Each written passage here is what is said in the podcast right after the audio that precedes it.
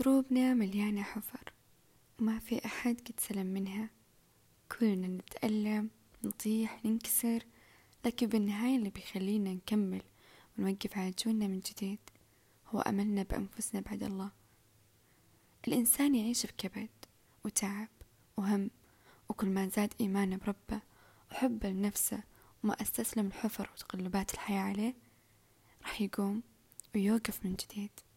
ويكمل طريقه وما يلتفت وراه وبالنسبة للطيحات اللي قطعها بتبقي في الماضي مدفون وبتكون جرعة يتعلم منها كل ما يتذكرها. طيب خلال مسيرتنا في حياتنا بشكل عام وعلى الرغم من تعرقلنا وانكسارنا فشلنا أحيانا دائما نغفل عن حاجة مهمة.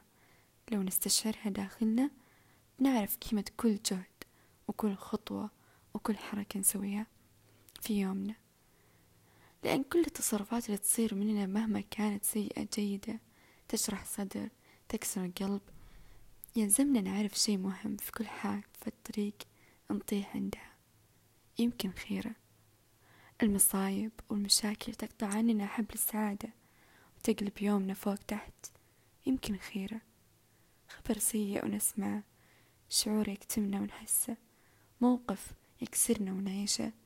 كلمة تطيح علينا كأنها انهيار جليدي بارد على قلوبنا. يمكن خيرة. لا مو يمكن. هي خيرة وألف خيرة. يمكن ما نشوف إنها خيرة في الوقت الحاضر لكن أوعدكم إنها خيرة. احتمال تكون عاجلة أو آجلة بس ما يهم. وش اللي يخوفنا ويوقفنا؟ ويصد عننا نسيم السعادة والطمأنينة.